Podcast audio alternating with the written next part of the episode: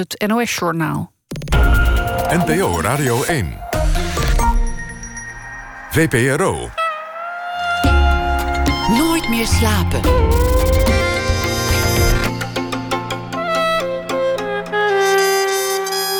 Met Pieter van der Wielen. Goedenacht, dit is Nooit meer slapen, nog tot 1 uur op deze zender. De man die tegenover mij zit, werd wel eens versleten voor landjonker. En nou weet ik niet precies wat een landjonker is, maar ik begreep het wel, geloof ik. Als een landjonker tenminste iemand is die liever in de 19e eeuw zou leven, die houdt van vormelijkheid en traditie en die zich vanaf het platteland in Engeland bezighoudt met verheven zaken als poëzie en literatuur.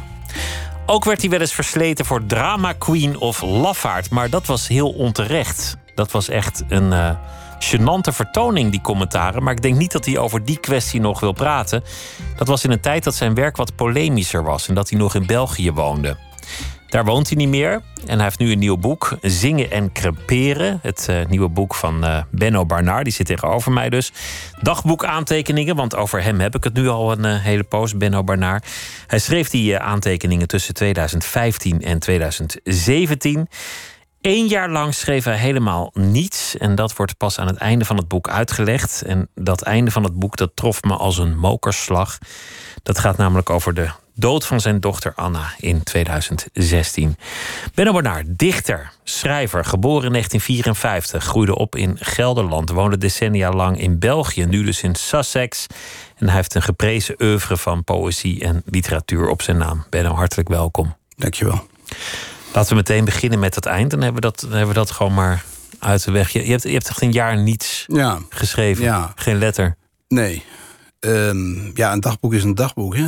En ik, ik, ben, ik heb altijd dagboek bijgehouden. En mijn, uh, mijn eerste gepubliceerde dagboek, dat is natuurlijk bewerkt en aantrekkelijk gemaakt voor de lezer. En alles wat daar in onzin was of uh, waan van de dag is eruit gegooid.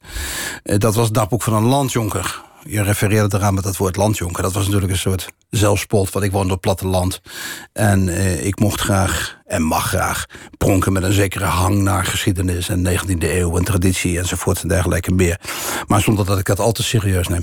Maar goed, dus ik, ik ben doorgegaan met dat dagboek schrijven. Uh, het deel dat nu verschenen is, beslaat de jaren 2014, 2015, 2016... En uh, op 18 december 2016 um, reed onze geliefde adoptiedochter Anna um, uh, zich dood in Amerika.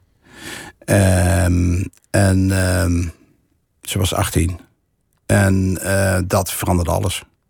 Dat heeft toen, je heb ik een jaar lang, toen heb ik een jaar lang niets geschreven. Echt helemaal niets geschreven. En toen vroeg iemand mij, zeg Prop, een, een, een drukker... die uh, mooie bibliophile dingen maakt en die hier niks van wist... die zei, wil je een gedicht maken voor een, een, een zogenaamde plaquette... dus hè, gedicht 50 of 100 exemplaren. Uh, en toen zei ik ja. Toen dacht ik, nu moet ik maar een gedicht over, over Anna schrijven. Dat gedicht staat aan het einde van het boek. Dat heet Bij je graf.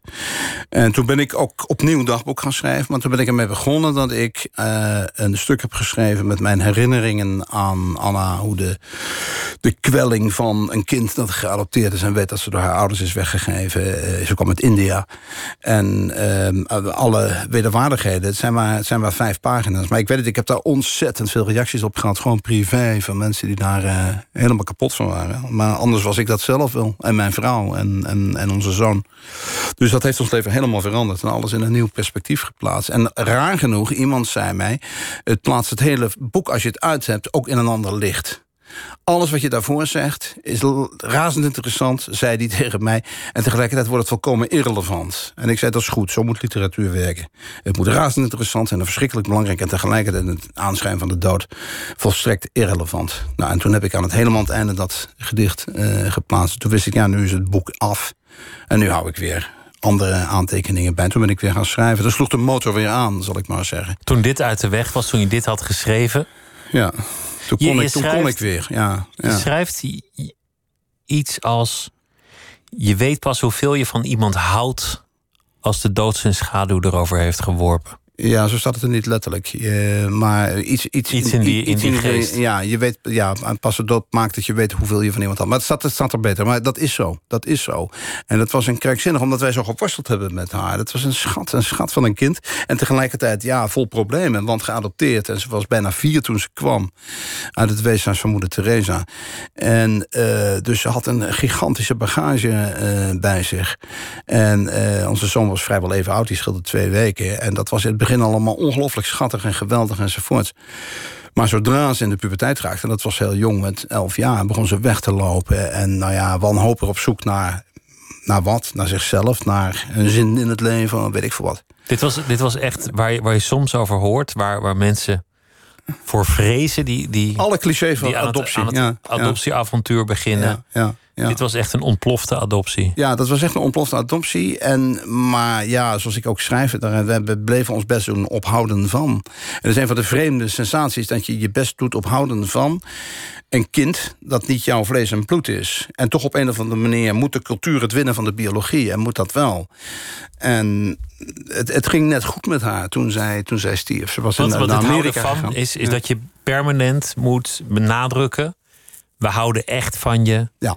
We zullen van je blijven, blijven houden. zeggen. We gaan je niet wegdoen, we gaan je niet verlaten. Je ouders hebben je ook niet naar een weeshuis gebracht... omdat ze niet van je hielden, maar ze konden niet van je zorgen.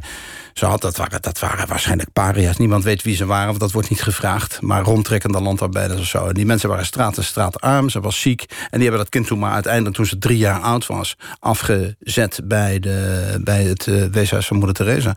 En, letterlijk moeder Teresa, de, de, ja, de moeder de, Teresa die iedereen kent. Ja, die, die toen al dood was hoor. Maar, uh, maar die, ja, god, mensen zeggen dan altijd... Ik herinner me nog discussies in Antwerpen. Moeder, ja, moeder Teresa was een vreselijk mens, want die was tegen abortus enzovoort.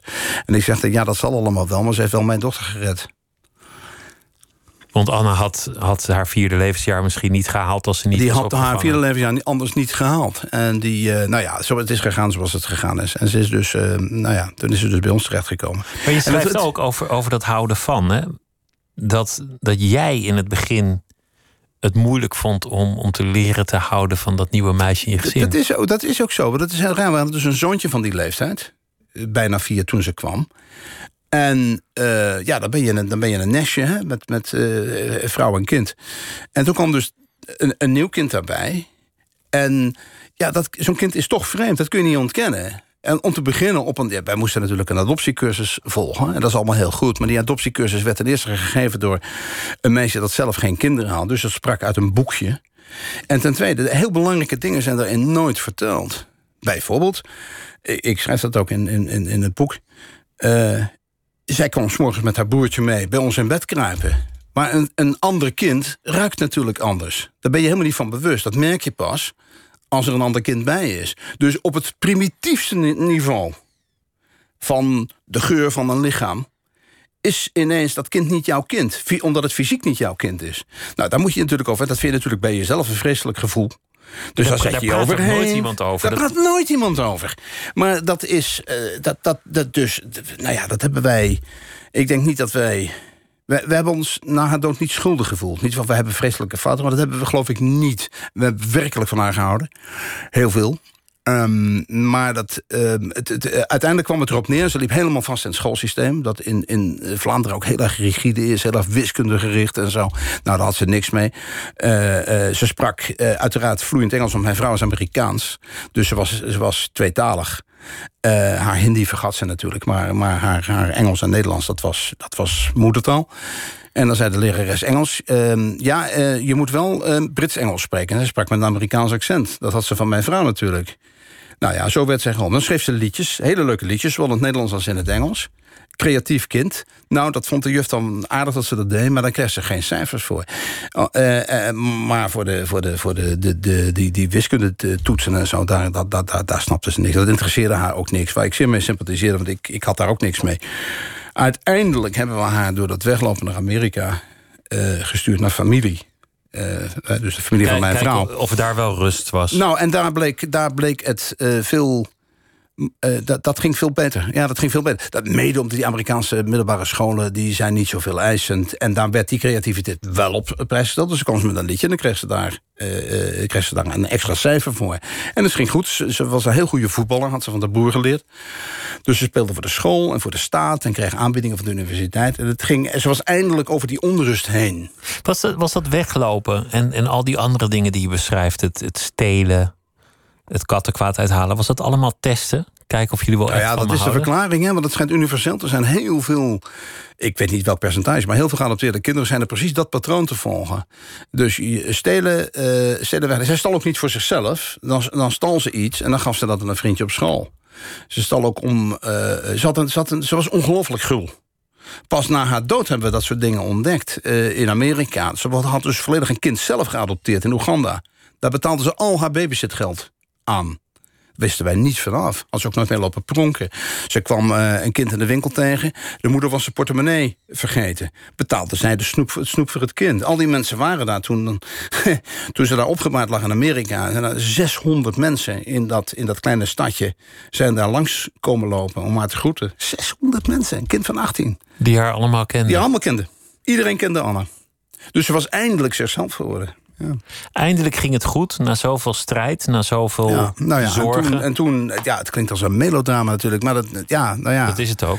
Dat is het dan natuurlijk ook. Maar eh, eh, ja, en, en toen het goed ging, toen, toen, ja, nou ja, toen sloeg dus het noodlot toe. En dat, dat was ook een heel banaal noodlot, zoals ja, tijd. Een, een auto die slipt op een, op een, op een, ijs, uh, een ijsplek je, je, toch, je ging cadeautjes kopen in de stad voor kerstmis met een vriendin. En die vriendin dat was natuurlijk een meisje dat pas had leren rijden, zoals dat gaat in Amerika, 17 jaar oud. En die auto die slipt en, en Anna op slag dood. En ja, je leven is nooit meer hetzelfde na die telefoon, kan ik je vertellen. En dan. dan en jij bent ook niet meer hetzelfde? Nee, absoluut niet. Absoluut niet.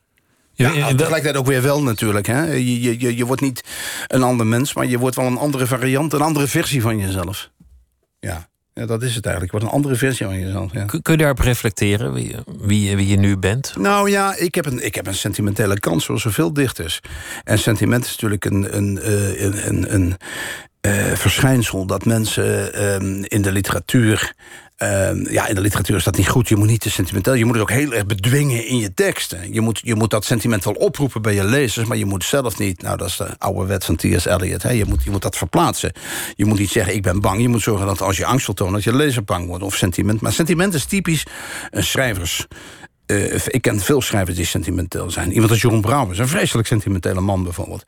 Nou, dat probeer je dan uit je literatuur te houden. Maar in het leven is mijn sentiment... Uh, uh, is, ja, mijn sentimentele kant is, is weer ik was vanmiddag op een begrafenis. Ik heb meer tranen gelaten dan de kinderen van uh, de laatste moeder van mijn generatie die gestorven was. Dat, dat ik, ja, wat ze in Frankrijk zeggen, uh, j'ai la larme facile. Ik heb de, de, makkelijke traan. En dat is heel erg een kant van mij geworden door, door, dat vind ik zelfs niet eens prettig. Maar de tranen maar zijn ben nooit ik wel, ben ik, Nee, nee, nee, dat is zo. Dat is zo. Ik heb de eerste... Uh, eigenlijk het jaar na het dood en regelmatig de het, eh, het, het, het, de hymn, het kerklied dat, dat waar ik, wat ik het mooiste vond van de begrafenisdienst...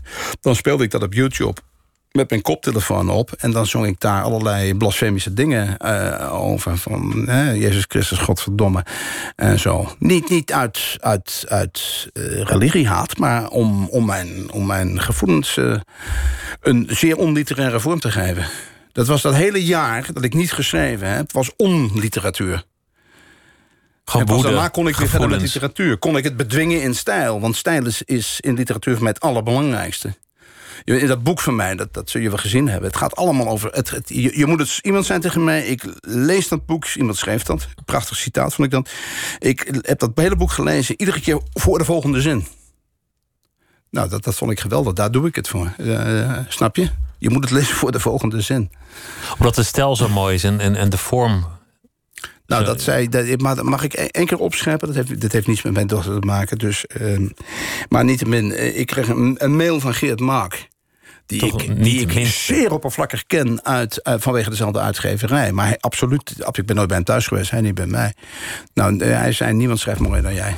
Dat vond ik zo'n geweldig dat, een, compliment. dat is een geweldig mooi Ik zei compliment. toen, Geert, mag, mag, dat, mag ik dat de uitgeverij... we hebben dezelfde uitgeverij, op de website laten zetten? Ja, dat vond hij goed. Dus dat staat nu te, te pronken op de website. Daar was ik verschrikkelijk blij mee. Ehm, het, het moet... Het moet ik, ik heb een gruwelijke afkeer van slecht geschreven teksten. Lelijk geschreven teksten, lelijke woorden. Daar ben ik allergisch voor. Dus dit, dit is een dagboek. Hè, dus een aantekening, datum of, of, een dag. Hè, nou, zo het hele boek door. Dus het is een grote doos bonbons, als het ware. Je moet, je moet het ook niet helemaal achter elkaar in één keer uitlezen... want dan ben je volgens mij kotsmisselijk. maar de, de bedoeling is natuurlijk dat je, dat je dan wat aantekeningen leest niet te veel tegelijk in, voor de volgende zin. En hopelijk staan er dan bij die aantekeningen dingen in die, die, die uh, ja. Kijk, ik weet niks als ik ga schrijven. Hè? Ik ontdek pas wat ik misschien wist als ik het geformuleerd heb. En, en de, ja, de, de, de, nu, nu word ik vreselijk serieus, maar de, de taal is veel harder dan wij. Dus de formulering roept dingen op. Ik geloof altijd, omdat ik zo in de vorm geloof... Het is, de formulering, het is het woord dat dingen oproept. Je gebruikt een woord, en zeker oude woorden... die al heel erg lang meegaan in een taal. Hè? Uh, een woord als, ik zeg maar wat, haar of water... of nou, dat soort woorden. Die zijn ongelooflijk geladen natuurlijk, door al dat gebruik. Nou, als je, als je, dat, als je daarvan in zo'n in zo'n zin gebruik kunt maken... in de etymologie circuleert onze wijsheid, zoiets dergelijks. Als, als dat dan in een zin lukt... En dat komt er te staan. Je leest dat en zegt, mijn god, die tekst is veel slimmer dan ik. Dus je zegt eigenlijk, de vorm gaat voor de inhoud uit. Ja. Dus ja. een, een, dichter die heeft een bepaalde vorm... En dan zoekt hij iets dat past in die vorm. Dat, is, dat hebben veel dichters ook wel toegegeven. Ja, daar, daar, daar worstel je dan mee. Ja, ja. Baudelaire heeft dat toegegeven. Ja, Jacques Brel heeft dat ook toegegeven. Ja, nou Flaubert is een van mijn grote helden. De, de, de, brieven van Flaubert. Het gaat allemaal over hoe formuleer je het zo. Dat. Daar, deed, je, over. daar deden jouw dagboeken mij aan denken. Los van dat hij af en toe wat meer vloekt dan jij en zo. Maar ja, dat... een enkel vloekje gaat er bij mij ook al uit. Hoor. Maar, maar ik weet wat je bedoelt. Maar het, het deed me eraan denken. Ja. Als jij dan vloekt op, op die godsdienstige hymne? Want, want je, je, je gelooft wel. Zelf. Nou, weet je, ik ben, ik ben een soort ongelovige Anglicaan. Dus ik kom uit een domineesnest. Mijn vader was, was dominee, Willem, Willem Barnard, Guillaume van de Graft. Dat is vrij algemeen bekend, denk ik. Dus ik ben zwaar geconditioneerd. En ik heb een, uh, een veel te gelukkige jeugd gehad... in een fantastische historische pastorie... waar ik vandaag ben teruggeweest... omdat die laatste moeder uit mijn generatie uit dat dorp was. Die ken ik sinds 1961, dus ik belde haar nog regelmatig. Oma Tini, geweldig mens. Maar dus de, begrafenis was daar vanuit de kerk. Dus ik ben, en daar was ook de koffie, dus ik was weer in mijn huis van toen, als het ware. Uh, geweldige jeugd gehad. Uh, op de zolder hadden wij echte hanenbalken. Daar waren uh, kerven in. Die waren nog van de soldaten van Napoleon. Die hadden daar gelegerd gelegen. Enfin, dat, dat soort verhalen. Het hoorde bij een kasteel. Roosnaar bij Arnhem, voordat het een miljonairsdorp werd. Dat was, dat was geweldig om in op te groeien. In een soort laat-feodale wereld. Uh, de baron, ik vind het ook een beetje Engels landschap daar in die ja, streek. Ja, dat is ook zo. Het zijn de heuvels, het is een beetje heuvelachtig. Ja, het is heel heuvelachtig zelfs. Ja, ik, heb ja, er wel eens, ik heb er wel eens gefietst, wat, wat sommige stukjes heel lekker was... en andere stukjes juist helemaal lekker, niet zo lekker. Ja, Nou ja, goed, dus in ieder geval daar ben ik in opgegroeid. Maar mijn vader was dus, nou ja, die was dus daar predikant. En dan in, in mijn, tussen mijn zevende en mijn, mijn zeventiende woonde ik daar in dat fantastische huis. En mijn vader ging toen met vervroegd emeritaat, want die, die kon dat niet meer aan. Die vond dat de mensen veel te veel van hem verwachten. Maar in ieder geval, toen ben ik vervolgens uh, twintig jaar lang volstrekt buitenkerkelijk geweest. Zonder de, de, niet zonder belangstelling, maar wel volstrekt buitenkerkelijk. Ik heb me altijd geïnteresseerd voor filosofie, religie en dergelijke zaken meer. En uh, toen werd mijn zoon geboren, maar toen was ik al een beetje een oude lul. Toen was ik al 43. Mijn vrouw is wat jonger.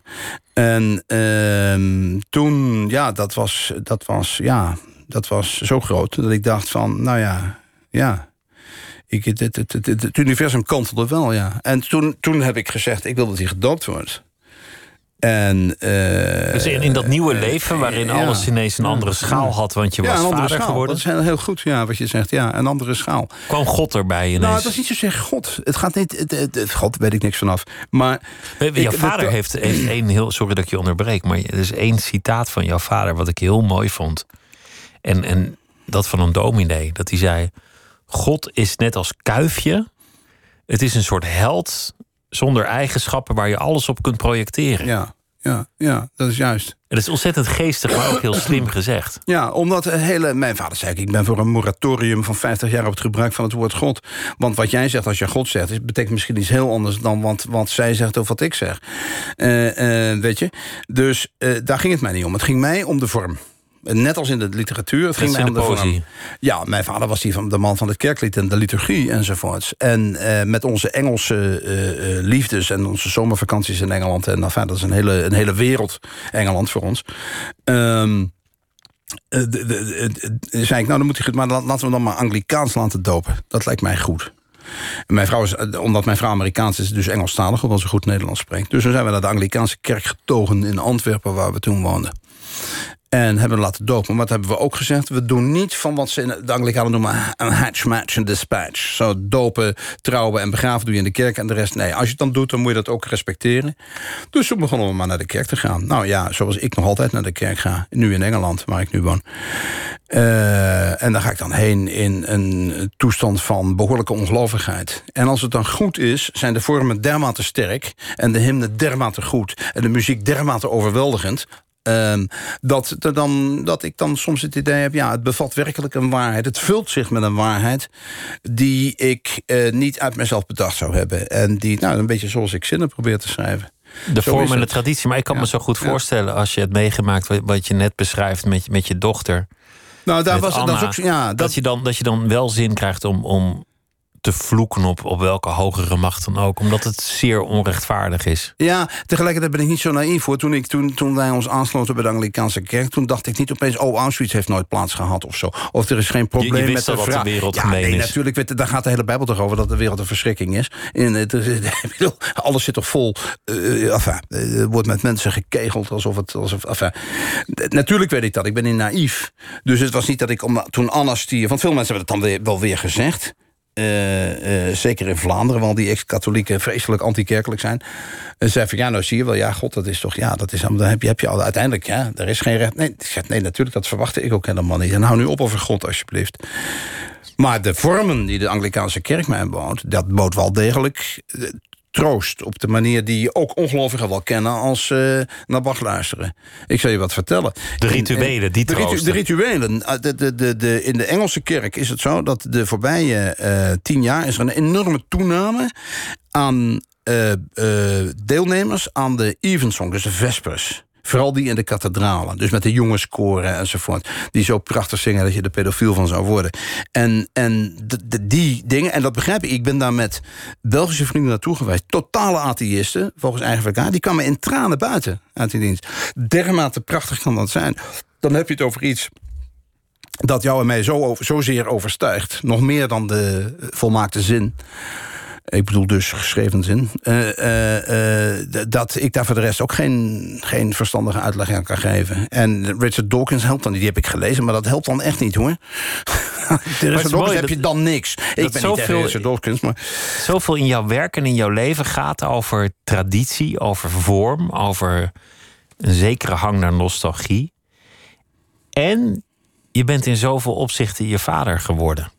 Je lijkt zo op je vader. Je vader was dichter, jij bent dichter. Je, je vader was dominee, jij bent terug de kerk ingegaan. Je Ja, vader was ja. gek van Engeland, jij bent gek van Engeland. Ja, ja, ik heb mijn vader. eh, Een van de grote thema's in mijn werk is de figuur van de vader. Ik ben ook wel weer heel anders hoor dan mijn vader. Eh, maar, Ik heb hem maar, nooit gekend, dus- Nee, nee, maar dat, dat weet ik nu wel. Maar ik, ik heb zeker bepaalde grote lijnen in mijn leven. zijn wel uitgezet door mijn vader. Ook wel door mijn moeder, maar op een andere, een andere manier. Over, over je moeder schrijf je nooit zoveel. Nee, daar- ik heb wel, wel over haar geschreven, hier en daar. Maar mijn moeder die kwam uit de rijke Rotterdamse bourgeoisie. Haar vader die had, een, had een fabriek en die hadden twee Duitse dienstmeisjes in de jaren dertig. En die wereld, de wereld van een zomerzotheid, als je dat iets zegt. Cecile van Marksveld. Nou, die, die wereld.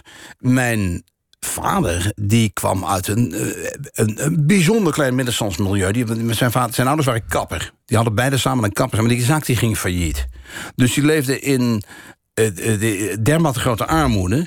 dat de vraag of je op zondag een ei kreeg... afhankelijk uh, was van de prijs van het ei. Als het een kwart cent te duur was, dan kreeg je geen ei op zondag.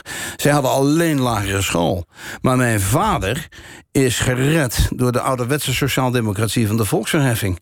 Die mocht namelijk naar het gymnasium, wat zei die moest naar het gymnasium van de bovenmeester. Die kwam met mijn grootouders praten. Willem, die moet naar het gymnasium, want die is... Ja, maar meester, dat is niet voor ons soort mensen. Jawel, Willem heeft het verstand om naar het gymnasium te gaan. Die emanciperende werking die de socialisten totaal verraden hebben... weg met socialisten op onderwijs... die heeft mijn vader gered. En die heeft hem naar het gymnasium gebracht. En zo is hij geworden wie hij, wie hij was. En mijn, mijn grootouders, met groot respect... ja, die lazen wel de Statenbijbel. Was natuurlijk ook driekwart niet van begrepen. En, en ja, die zat dan zat hij aan de keukentafel. Een, een, wat zeg je nu? Een, een dichter die blind was van 3000 jaar geleden in het Grieks. Nou ja, die zat hij dan te vertalen. Want dat moest voor het gymnasium, niet waar? En bij ons thuis dat was een van de favoriete politieke uitspraken van de oude componist Marcus Bakker. Toen politici nog iets voorstelden in dit land. En Marcus Bakker zei: Kunnen arbeiderskinderen eindelijk naar het gymnasium? Schaffen ze het gymnasium af. En mijn ouders helemaal geen communisten waren, maar zoals gezegd, sociaaldemocraten van de Die begrepen dat wel. Die begrepen dat verdomde goed. Die en begrepen dat verdomde goed, ja. Jouw vader was gek van Engeland. En jij hebt, als ik het goed heb, daar in je jeugd ook al heel kort gewoond. Ja, ik heb daar uh, in, in Plymouth heb ik een, een tijd uh, Engels gestudeerd. Maar toen, ja, toen had ik een vriendin in Nederland, dus dat, daardoor ben ik toen niet gebleven. Ik heb er ook een jaar gewerkt voor het Vlaamse tijdschrift Knak. Uh, en dat was in Rye in Sussex. In een prachtig, prachtig middeleeuws stadje. En dat vonden wij dermate geweldig... dat wij toen, mijn vrouw en ik, tegen elkaar gezegd hebben... nou, als we ooit met een keer met pensioen gaan... dan moeten we maar proberen in die buurt... Nou ja. En, dat is waar, je, waar je nu woont. En daar hebben, we, ja, daar hebben wij dus een, een huis gevonden... vijf, vijf, zes, zeven kilometer van Rye. Prachtig huis uit 1665. Uh, met wat financiële steun van een rijke vriend. En daar, uh, daar, uh, daar, daar, zitten wij nu uh, zielsver genoeg. Dat wil zeggen, mijn vrouw werkt nog altijd in, Brussel... maar komt dan met de trein in het weekend. Maar gaat over een jaar met pensioen. Um, en ja, ja, zo zit dat. Je hebt, eigenlijk, je hebt eigenlijk volmaakt wat je vader altijd had gewild, maar op de een of andere manier nooit. Ik vind het heel jammer dat mijn vader eh, nooit geweten heeft, mijn beide ouders trouwens, nooit uh, geweten hebben dat uh, wij in Engeland zouden, zouden eindigen. En dat ze, mijn moeder heeft ook, uh, heeft ook onze zoon nooit gekend en ook Anna nooit gekend. Mijn vader heeft ze wel gekend. En heeft dat weer gelukkig niet meegemaakt dat Anna stierf. Maar die zouden geweldig trots zijn geweest op hun, op hun, op hun kleinkind. Uh, dat vlot drie talen spreekt. En in het, in het Engels dan ook nog eens een keer drie verschillende accenten. Namelijk het Engels van zijn moeder, Amerikaans. Algemeen beschaafd Brits-Engels voor de universiteit. En een soort upper working class voor het voetbal. Dat, is, dat hoor ik aan de telefoon als je daarmee bezig is. Dus ja, daar ben ik wel heel blij mee. Ja. En ooit, toen, toen je ergens bivakkeerde, was je tijdelijk de buurman van Paul McCartney. Oh, ik, ben, ik ben nog steeds een buurman van Paul McCartney op een andere manier. Het was namelijk zo in Rye, waar ik dus dat jaar zat voor het tijdschrift Knak. Dus een soort Elseviers weekblad, zal ik maar zeggen. Daar uh, woonden wij in een gangetje bij het prachtige plein daar uh, bij de kerk. En dat gangetje, een Twitsten geheten in Sussex. Daar hadden wij een, een, een gemeubileerd huis gehuurd voor dat jaar. De kinderen waren toen zeven. Die gingen naar lagere school. En Paul McCartney is in Rye overal aanwezig, want zijn kinderen, hij woont al ik denk al 40 jaar of iets dergelijks. Of nee, langer woont hij in een dorp vlakbij, in Peace Marsh. En zijn kinderen gingen daar naar de lagere school. Dus dezelfde lagere school als mijn kinderen. Dus het gonzen altijd van de geruchten dan hoorde je dingen in de pub als St. Paul lately. En dat soort dingen. En dat was zo die scheidingsaffaire van, die, van die, dat fotomodel met dat been. Dat die, die, die een stuk been miste. En dat was zo'n heel gedoe. En, en in de, in de, enfin, heel ongelukkig huwelijk. Dat heeft hem ook een, een vermogen gekost, die scheiding. Dat schijn, ja, ik weet, ik weet daar, ik ken daar de details natuurlijk niet van. Dat bedoel, wat weten wij daarvan? Nee, maar nee, dat, dat werd heel ongelukkig. In ieder geval. Gezegd. Maar hij is nooit van huis. Hij is altijd blijven wonen in datzelfde huis waar hij met Linda woonde. En uh, ja, ja, ik moet eerst vertellen, in het gangetje daar, ons huis, het huis daarnaast was van hem. En dat gebruikte Stella om feestjes te geven. En we hebben hem daar één keer gezien. En we zijn één keer met de kinderen zijn we naar, um, in Londen naar Abbey Road gegaan. Want uh, onze zoon Christopher die werd die ontaarde in, in een Beatles-fan... Door, dankzij het feit dat Paul McCartney daar woonde. Dus die heeft daar iets op de muur in de, van de studio's geschreven... daar uh, in Abbey Road. Um, maar hij woont nog altijd daar in Peace Marsh. En wij wonen nu gewoon op een, op een, uh, op een boogscheut van hem vandaan... van zijn landgoed. waar hij schapen houdt. En weigert konijnen te schieten, want hij is een, een vegetariër. Zijn buurvrouw is schapenboer, die vindt dat vreselijk. En zijn chauffeur woont bij ons in het dorp en die heeft altijd allerlei verhalen over hem en zo. Dus hij is, hij is, hij is bekend en, en populair en, en geliefd, behalve bij de buurvrouw die dus de schapen, die schapen die houdt. Schapen houdt ja. we, gaan, we gaan luisteren naar een van de mooiste liedjes van de, de Beatles, Eleanor Rigby.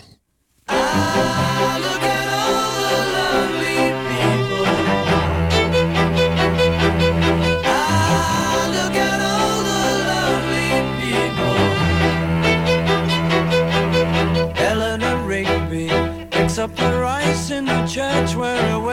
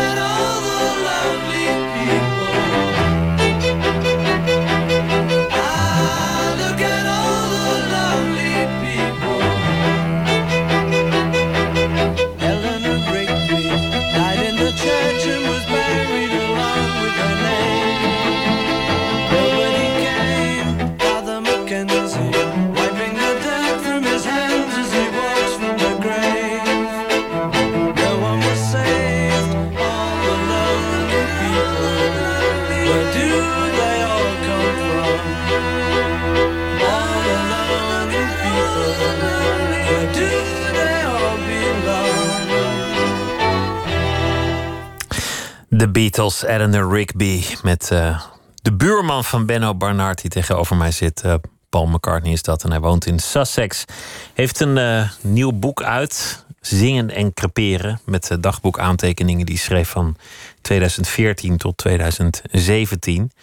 Vergeleken met, met het boek dat je daarvoor had, de, van, van de dagboekaantekeningen bedoel ik dan, is dit boek veel minder polemisch. Het gaat veel minder over Ja. de actualiteit, over de maatschappij, over politiek.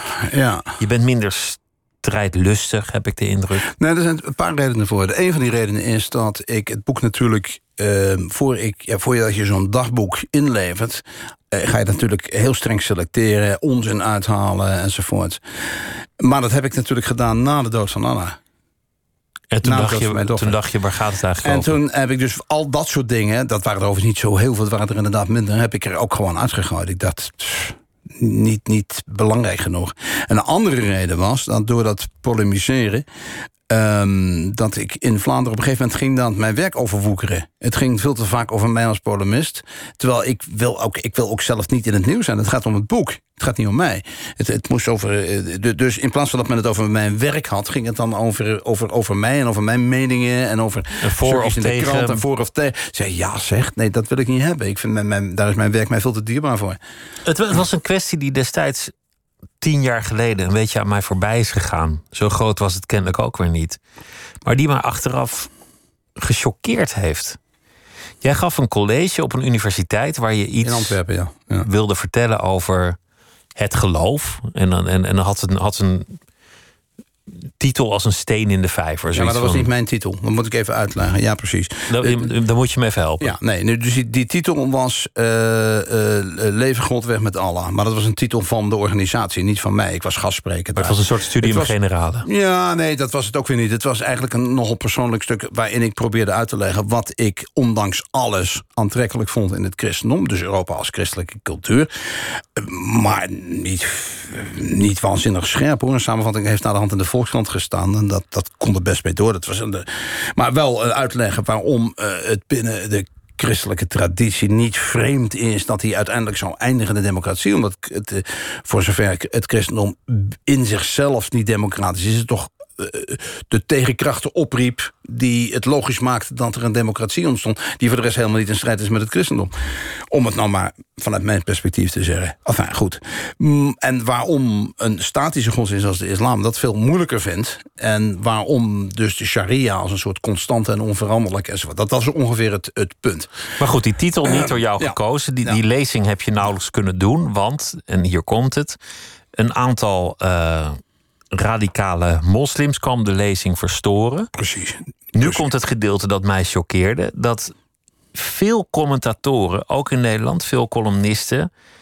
noemden jou een aansteller, noemden jou een drama queen... en vonden eigenlijk dat je, dat je lichtzinnig was om je daar druk over te hebben gemaakt. Nou, ik zal je vertellen, al, eh, eh, eh, dat was levensbedreigend. Want En eh, dat zeg, dat zeg ik nu even niet, zonder, niet om, om interessant te doen. de jongens die jouw lezing kwamen verstoren... daarvan is er later één geïdentificeerd op een onthoofdingsfilmpje van IS. Ja. Een ander is om het leven gekomen die hoog in IS zat in Syrië. Het hoofd van de religieuze politie in Raqqa van IS zat bij mij in de zaal toen. En een ander Ja. is in, in Ja. België tot eh 13 jaar zelf Er veroordeeld. er wegens dan, aan- de, de, de helft van wat toen in de zaal zat is of in Syrië, al dan niet gesneuveld, of zit in de bak in België. Ik kan me voorstellen dat je bang was op dat moment. Nou, ik werd gebeld door de staatsveiligheid. Ik werd beschermd. Maar men was zo naïef over de radicale islam in die tijd... dat ik zou me wel hebben aangesteld om aandacht te trokken. Maar het was 2010, Theo van Gogh was al vermoord. Dat, ja, maar dit is Vlaanderen, hè, waar we het over hebben. Maar goed, da- daar was ook al het een en ander Nou ja, het was, het was een bizarre reflex, een soort cognitieve dissonantie of zoiets dergelijks van mensen. Dus eh, eh, binnen de pers waren er een aantal journalisten. Ehm, die opeens dat soort dingen zeiden. Dat was overigens bijna uitsluitend in Vlaanderen. Er waren een paar in Nederland, maar bijna uitsluitend in Vlaanderen.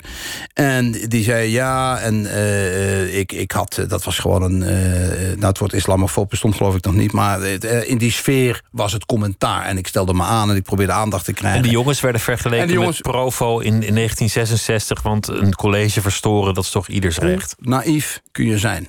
Nu, ze waren ook veel angstaanjagender nog dan ik op dat moment besefte. Dat werd mij geleidelijk aan duidelijk. En wat ik die commentatoren vooral ook kwalijk eh, genomen... dat zij niet hoefden te leven met twee doodsbange kinderen. Mijn kinderen waren doodsbang, vooral mijn zoon. Die zag een busje in de straat zei... papa, dat is een, busje. En volgens mij zat er een man in. En die, die eh, man met een geweer. Dat, dat zocht hij uit zijn duim. Maar ja, dat, dat, dat kind was elf. Ehm, naderhand heeft in de pers is dat helemaal gekeerd. Eh godzijdank. Maar er zijn maar een paar journalisten geweest die de allure hebben gehad in het openbaar hun excuses aan te bieden. Sorry, dat was Sharia voor Belgium. Dat waren fascisten. En eh, ehm, neem, neem ons niet kwalijk. Ik, heb, ik ben daar volkomen, met als de bijvoorbeeld. Ik ben daar volkomen fout in geweest. Je had volkomen gelijk. Je was de eerste die het zag. Je was niet een aansteller of een, of een drama. Nee, maar ik zal of- het je nog zeker vertellen. Dat is een heel prominente figuur, Patertje Le Man. Dat is zo'n zo'n soort linkse priester. eh, eigenlijk een extreem linkse priester. Die eh, altijd een soort centrum eh, in de tijd... tegen discriminatie enzovoort, racisme, allemaal, allemaal heel nobel en goed. Maar dat leidde die. En een, een paar jaar geleden, ik denk drie jaar geleden... nee, voor we naar Engeland gingen, vijf jaar geleden ongeveer... ik- we hadden het er nog eens over, mijn vrouw en ik... toen die storm was, al lang was gaan liggen. En toen zei ik van, wie, wie was toen... Zij, nee, zij zei, weet jij wie het ergste was toen? Le Man. Ik zei, oh ja? Ze zei, ik heb ook alle ding- dingen gezien die jij niet gezien hebt, zei ze. Ik zei, oh, wat zei die dan? Ze- Die zei, Le Man, zei ze, die zei... niet Sharia voor Belgium is een bedreiging voor de democratie... Benno Barnard is een bedreiging voor de democratie. Ik bedoel, eh, dat is, als- uitspraak kan dat tellen, nietwaar? Ehm en ik zei, echt waar? Waar hij dat dan gezegd? En eh, ze zei, laat me het even opzoeken. En ze zat op haar werk en handig met computers. Binnen een kwartier wist ze het. Het stond nog altijd op zijn eigen website. Nu nog. Dus vijf jaar geleden dan. Toen heb ik eh, zijn mailadres opgevraagd, heb ik hem een e-mail gestuurd. Toen, binnen een half uur had ik drie mails met eh, ontkenning. Dat was niet waar, hij had nooit zoiets gezegd. En toen heb ik gezegd, kijk eens op uw eigen website. En toen bleef het een dag stil en toen moest hij door het stof kruipen. Hij begreep het niet, dat, dat was helemaal niet zijn gedachte en zo. Toen heeft hij op zijn website gezet... Benno Barnett was de eerste die het gevaar van Sharia voor België eh door had. Op waarde schatten. Ja, nou ja, wat, Wat ook weer overdreven was. Maar goed. Heeft dit meegespeeld in jouw beslissing om weg te, weg te gaan? Ja, ik was Vlaanderen kotsbeu.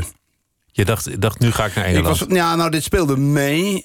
Los van mijn romantische droom. Los van mijn liefde voor Engeland. altijd van positieve Engeland. argumentatie. Ja. Was er ook wel de negatieve argumentatie dat ik... Ik was Vlaanderen niet alleen hierom hoor. Dit was, dit was maar een kant van de zaak. Maar wij woonden in... Wij waren uit, vanuit Antwerpen, wat leuk was. Waren wij naar een dorp verhuisd aan de taalgrens. Eh, ook een beetje hetzelfde idee. Heuvels, een soort nieuwe Roosendal uit mijn jeugd als het ware.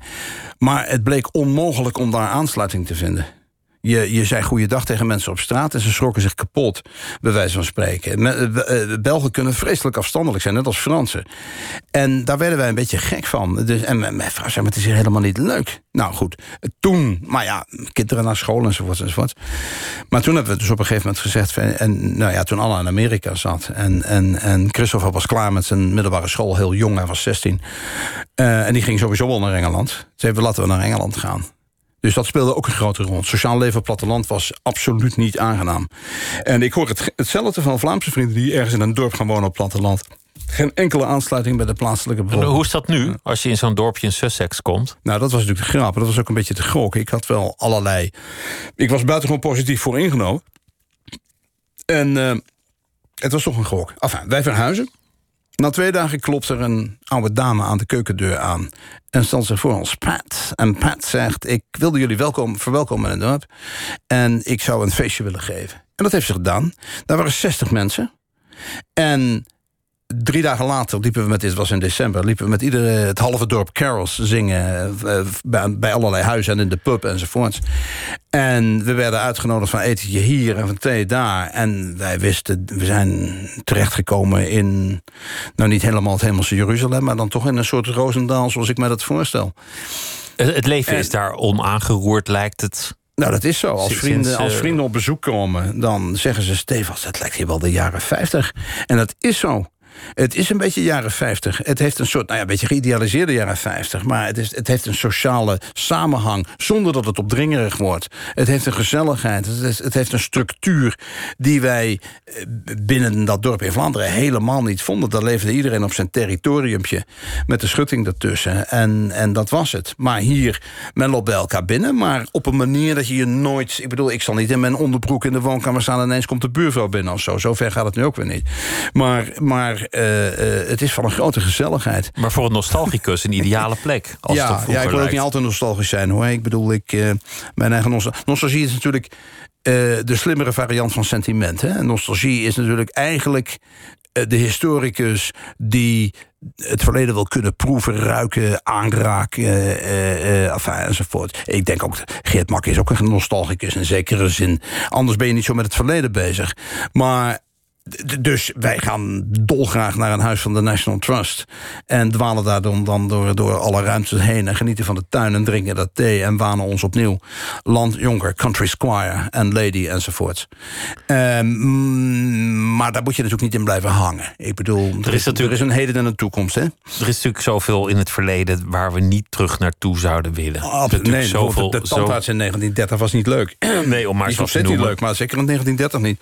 En, de staan en, en Oh nee, vrees, dat zijn de natuurlijk man-vrouw verhoudingen. Nee, oh nee, kolonialisme, nee. noem maar op. Eh, ja, nou ja, het racisme. Ga maar door. Dus we weten het allemaal. We- maar dat is maar, evident. toch, maar toch is er een gevoel van iets dat, dat misschien verloren is gegaan dat de moeite waard was. Ja, je houdt, je, je, je, dat zijn natuurlijk de dingen waar je dan nostalgisch over kunt zijn. De dingen waar je denkt van ja, er er bestond wel degelijk in de jaren 50 eh, op, op het platteland een veel hechtere sociale structuur. Eh, en dat missen mensen nu deerlijk. En ik ben ook geen voorstander van de uitvinding van de smartphone trouwens. Maar dat is weer iets anders. Dat iedereen de hele dag naar zijn schermpje zit te kijken. word ik daarvan. Ja, maar eh, We lezen is hier- oude mannen, oude mannen praat. Hè? Ik bedoel, ik, ik ben iets vitaler dan, eh, dan zoals, zoals dit nu klinkt. Maar, Maar ik we, lezen in Nederland in de krant eigenlijk nooit iets positiefs meer over, over Engeland en het platteland. Sinds, sinds Brexit wordt het afgeschilderd als een, als een woeste horde. ik, ik heb het idee dat men op het continent eigenlijk bitter weinig van Engeland begrijpt. Van de, mag, ik het, mag ik het voor de gelegenheid noemen, de ziel van Engeland. Ehm, ik ken zoveel mensen, en ik praat met meest uiteenlopende mensen trouwens. Ehm, in het dorp, dat zijn mm, vooral mm, beter gesitueerde, hoogopgeleide mensen. Van wie sommigen pro- en sommigen anti-Brexit gestemd hebben. Mijn vriend John Crook heeft anti gestemd, want hij heeft in Frankrijk lesgegeven en spreekt vloeiend Frans. Ehm, mijn vriend Tony Dyson, eh, eh, chirurg, Oxford, groot uh, lezer, heeft voorgestemd. Want die is tegen het feit dat de, soevereiniteit wordt ontfutseld door Brussel. Of, dus daar, daar zijn verschillende meningen over. Maar bovendien ga ik op zaterdag naar het voetbal. Mijn, mijn zoon is een vervaarlijk voetballer. En kijk, ik wist al hoe de verkiezingen zouden aflopen. Want al weken voor de verkiezingen, toen de scheidsrechter een fout maakte... zong onze spionkop, zong de, de ref is Jeremy. Jeremy, Jeremy Corbyn. Een Corbyn dus. Dus die moesten ze duidelijk niet hebben. Maar je praat daardoor bij dat voetbal... Uh, op het gevaar af dat ik nu klink als een vertegenwoordiger van de klassenmaatschappij. Maar je praat echt met volksmensen. Uh, en, en dat is heel leuk. Dat is ook heel gezellig met de thee, de vette worsten enzovoort. Maar daardoor wist ik heel goed hoe, hoe de sfeer was. En eh, dat werd bevestigd door de, door de uitslag van die, van die verkiezingen... waar overigens wel degelijk andere dingen dan alleen Brexit een rol speelden. Uit onderzoek bleek bijvoorbeeld dat men in... Uh, dat was een onderzoek in Noord-Engeland onder, onder uh, uh, conservatieve kiezers... maar dan vooral voormalige Labour-kiezers. En dat bleek dan bijvoorbeeld dat antisemitisme kwestie in Labour... een grote rol speelde. Dat er niks mee te maken hebben. Want, want Corbyn die, die wist eigenlijk niet heel goed afstand te nemen... van het antisemitisme nee, maar, om hem heen. Corbyn snapt niks van arbeiders. Dat is een welgestelde meneer uit Islington. Corbyn is veel rijker dan, dan Boris Johnson trouwens... die overigens ook niet arm is. En Boris Johnson is ook steenrijk. En dat is allemaal... Is dat sympathiek, is dat onsympathiek? De kwestie is dat Boris Johnson is een typische vertegenwoordiger van de upper class... en die begrijpt arbeiders veel beters. Om een vergelijking te maken, bij ons in het dorp heb je een prachtig landhuis. Dat heeft nog aan de familie Churchill toebehoord. En uh, de verhalen daarover zijn vroeger de, de, de, de, de, de kasteelheer, zal ik maar zeggen...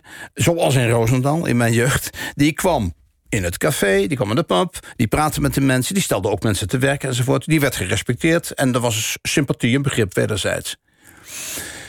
Nu zit daar een beursmakelaar... die per helikopter zit naar de city verplaatst. Die komt nooit in het dorp en die wordt gehaat. Of althans geminacht. Nou, dat is het verschil. Dus er bestaat een soort verhouding tussen... De, ik wil het niet idealiseren, maar er bestaat een zekere verhouding van respect... tussen de arbeidersklasse en de, en de, en de upper class. Oud geld en of nieuw geld. En, oud geld, nieuw geld, zeker. Maar Jeremy Corbyn begrijpt er helemaal niets van. Die komt met marxistische abstracties aan. En daar willen arbeiders niks mee te maken hebben. Ze hebben groot gelijk. Dat is niet de realiteit. Waarmee ik niet wil zeggen dat ik dat conservatieve programma zo geweldig vind. Maar ik, ik snap wel waarom het zo gelopen is. Ik snap ook waarom ze een brexit willen.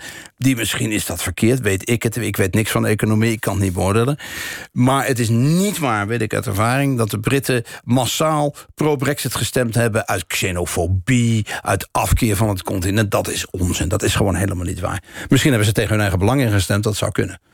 De, volgens mij is de belangrijkste kwestie verlies aan zeggenschap... Ja, en het gevoel dat er iets in de uitverkoop is geraakt ergens. Nou onderweg. ja, ik weet je, ik zal je wat vertellen. Ik ben al tientallen jaren woon ik niet meer in Nederland. En ik kom er nu niet meer zo heel vaak op wegens uh, omslachtig om hier te komen. Maar toch wel één keer per jaar. En iedere keer als ik hier kom, is, vind ik Nederland weer met een schokje. Um, hoe zal ik het zeggen? Uh,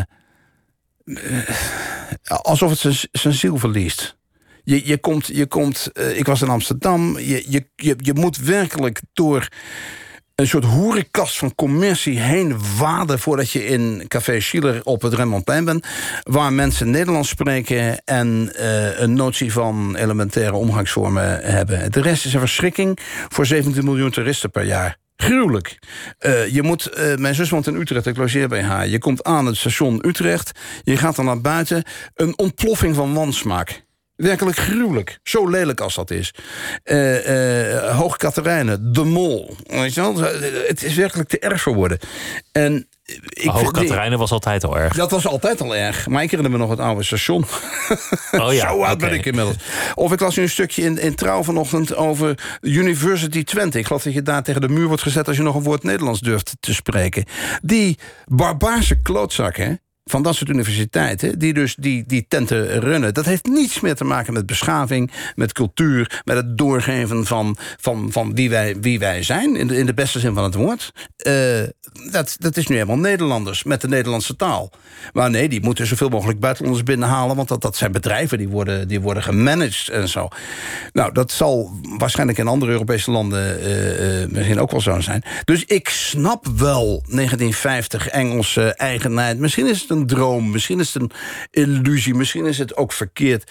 Niet is het xenofobie. Niet, althans massaal. Het, het, het Misschien is Brexit wel niet de oplossing, maar je snapt wel de probleemstelling, nee, de emotie. absoluut. Ik, ken, ik weet van een stadje in Yorkshire, waar, ik ben de naam nu kwijt... maar daar woonden 20.000 mensen. Ik heb er een heel stuk over gelezen in, in een Franse Engelse krant. Binnen een periode van 20 jaar waren dat 40.000 mensen... die andere 20.000 waren Polen. Men had niks tegen die Polen, maar natuurlijk mengde dat niet. Die hadden hun eigen winkels, hun eigen kerk, hun eigen clubs, hun eigen ding. Dus je had twee gemeenschappen. Ja, ik snap snap wel dat het niet leuk is als je de helft van de bevolking een, een hoe moet ik het zeggen, een, een, als het ware een soort buitenland vormen dat met niks meer met jou te maken heeft. Als je ze eigenlijk, wat je net zei, de vormelijkheid ontneemt. Ja, ja misschien is het dat, dat, je, dat, dat mensen dat hun vormen gestolen worden. Dat heeft er misschien wel iets mee te maken. Misschien is dat wat ik in traditie. Maar dit heb je, dit heb je allemaal uit je boek geschrapt, omdat je uiteindelijk dacht: God, ja, God hier gaat het eigenlijk helemaal niet over. Waar hebben we het over? Ja, precies. Nee, Want in, het, in het licht der eeuwen gaat het dan toch over andere dingen. Ja, ik vond de grotere thema's. Uh, wie ben je, waarom ben je, waarom er iets is en niet niets is... om Heidegger te variëren. Dat soort dingen vond ik veel belangrijker uiteindelijk. Ik waarom je leeft. Eh, ja, waarom je leeft.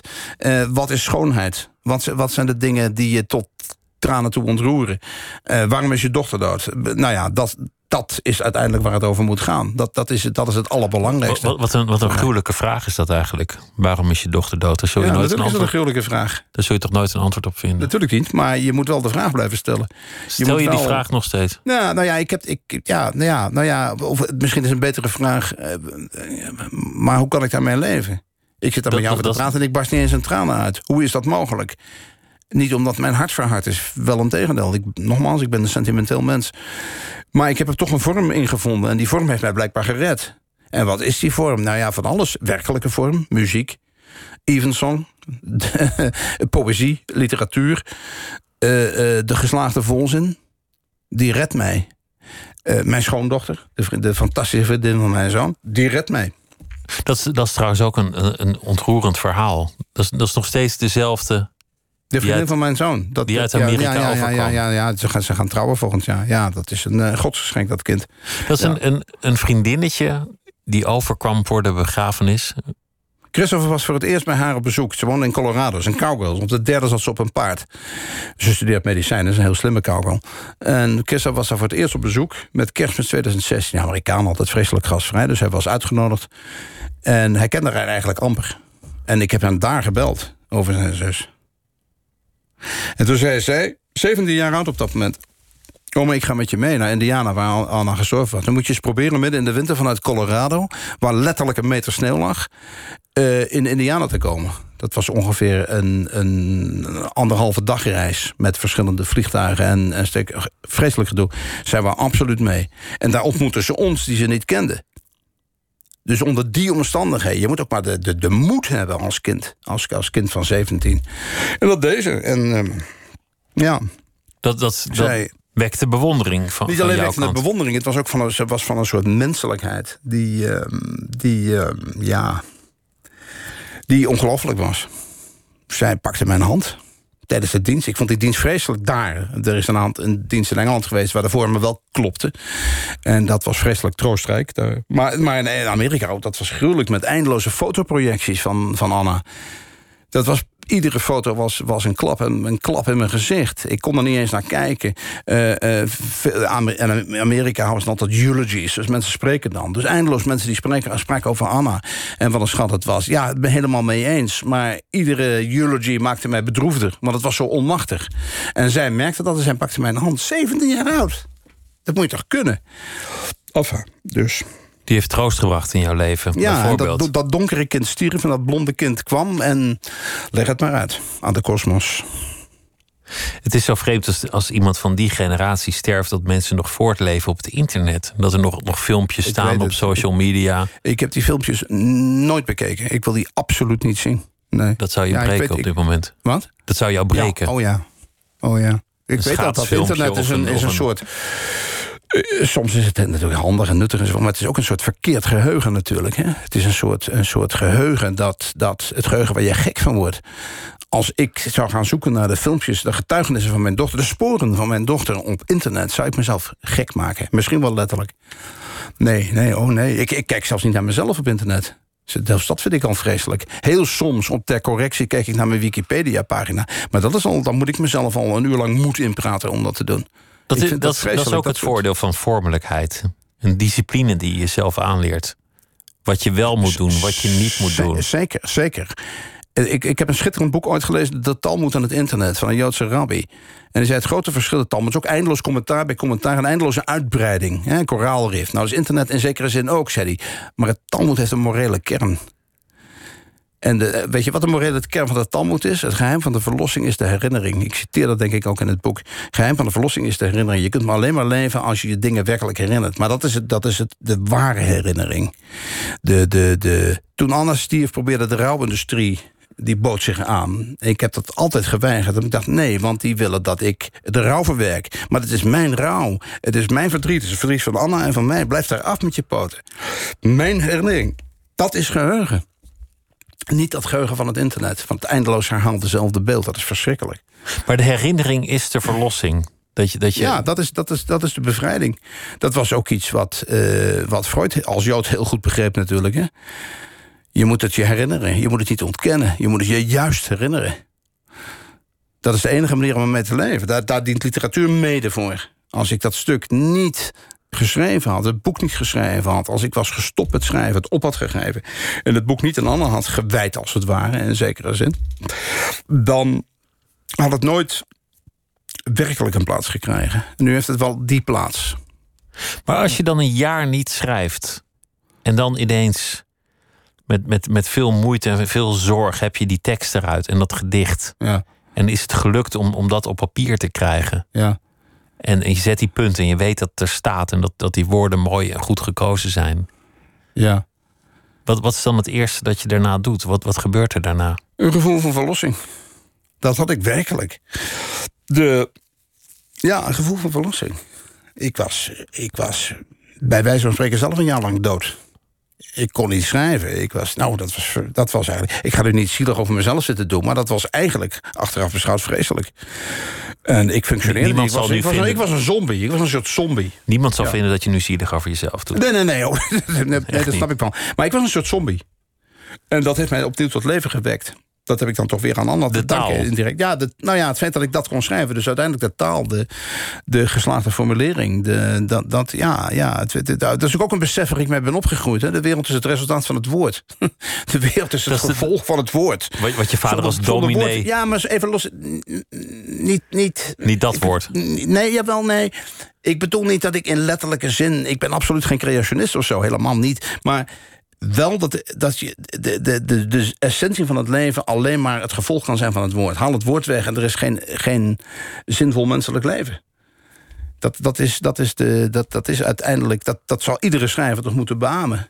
Zonder, zonder ja, het, het, het, ja, het woord. Het woord, dat is de de, de, de, de verhouding tussen het woord en, het, en de herinnering. En, en jijzelf, jouw, jouw ego. Maar probeer je vooral niet te concentreren op je ego. Want dat leidt alleen maar tot ellende. Dat is ook wat ik, waarom ik niks met de psychologie heb. Ik vind dat vreselijk al die mensen die maar met zichzelf bezig zijn. Probeer niet over jezelf na te denken, is mijn, mijn motto. Probeer anderen, dus ik... Maar het was verdomde moeilijk om over anderen na te denken natuurlijk. Om het nu maar daartoe... Het was natuurlijk niet het enige dat jaar, dat weet ik wel. Maar ik probeer ook met mijn vrouw en, en, met Christopher en, hè, en Haley dus, de, de schoondochter. Eh, eh, nou, dat hebben we goed doorstaan. We het geluk dat het ons alleen maar nader bij elkaar bracht. De maar dat vorm. had ook weer aan vormen te danken, ja. ja. De vorm is, is uiteindelijk wat helpt. En het boek dat heet Zingen en Creperen. Benno Barnaar, dank je wel dat je langs wilde komen. Dank je voor de uitnodiging. En zometeen eh, kunt u luisteren naar Miss Podcast met eh, Pierre Wind, de tv-kok. Op Radio 1. Het nieuws van alle kanten.